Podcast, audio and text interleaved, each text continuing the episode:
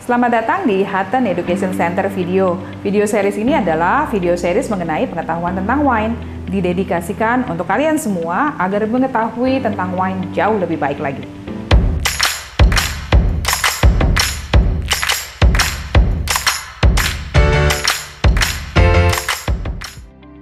Pada episode ini, kita akan membahas mengenai blending wines.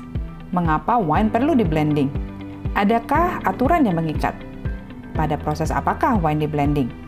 Kita akan membahasnya satu persatu. Blending wine adalah salah satu tugas dari winemaker yang sangat menarik. Pada kesempatan ini, winemaker mampu menciptakan flavor yang sangat berbeda dari produser wine yang lainnya winemaker bisa menentukan pada tahap apakah dan pada komponen apakah wine bisa di blending. Tujuan yang diinginkan adalah menciptakan style dan karakter yang berbeda dari wine yang dibuat. Bisa blending dari jenis anggur yang berbeda, vintage yang berbeda, blending antara wine aging yang berbeda, dan teknik yang berbeda. Kunci dari keunikan dari masing-masing produser adalah salah satunya blending. Blending bisa dilakukan pada tahap awal pengolahan wine dengan cara mencampur beberapa jenis anggur yang berbeda, dikenal dengan istilah field blend. Atau yang lebih common lagi adalah blending dilakukan setelah anggur menjadi wine. Winemaker akan menggunakan teknik analisis dan testing teknik pada saat melakukan blending.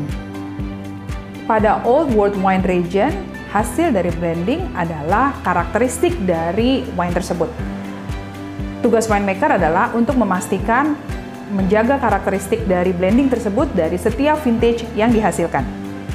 Pada wine label di Old World Wine Region, grape variety tidak disebutkan. Akan tetapi, informasi mengenai wine region akan dapat memberikan informasi mengenai grape variety yang digunakan di region tersebut. Itu artinya kita perlu mengenal lebih detail lagi dari masing-masing region untuk mengetahui blending yang mereka lakukan. Saya akan berikan beberapa contoh dari blending beberapa wine region yang terkenal di dunia. Beberapa contoh wine region yang terkenal di dunia berdasarkan blendingnya. Yang pertama dari Bordeaux. Red Bordeaux blendingnya menggunakan Merlot, Cabernet Sauvignon, Petit Verdot, eh, Malbec, dan Cabernet Franc. Sementara untuk white wine, di White Bordeaux, blending yang terkenal adalah Semillon, Sauvignon Blanc, dan Muscadel. Kalian pasti kenal Champagne kan? Di Champagne region, blendingnya adalah Chardonnay, Pinot Noir, dan Pinot Meunier. Yang menjadi catatan di Old World Wine, di masing-masing region, blendingnya diatur berdasarkan undang-undang. Ada wine law yang mengikat. Artinya, winemaker di region tersebut harus menggunakan grape variety tersebut. Masalah komposisinya akan seperti apa menjadi personal style dari winemaker yang akan membedakan antara satu producer dengan producer lainnya. Bagaimana dengan New World Wine Region? Di New World Wine Region, di labelnya disebutkan grape variety-nya. Sama dengan vintage, aturan menyebutkan grape variety di label ditentukan juga berdasarkan undang-undang 75, 85, sampai 100% komposisi dari jenis anggur tersebut menjadi bagian dari undang-undang menyebutkan grape variety di labelnya. Apabila disebutkan dua grape variety, yang disebutkan pertama biasanya komposisinya lebih banyak dibandingkan yang di belakangnya.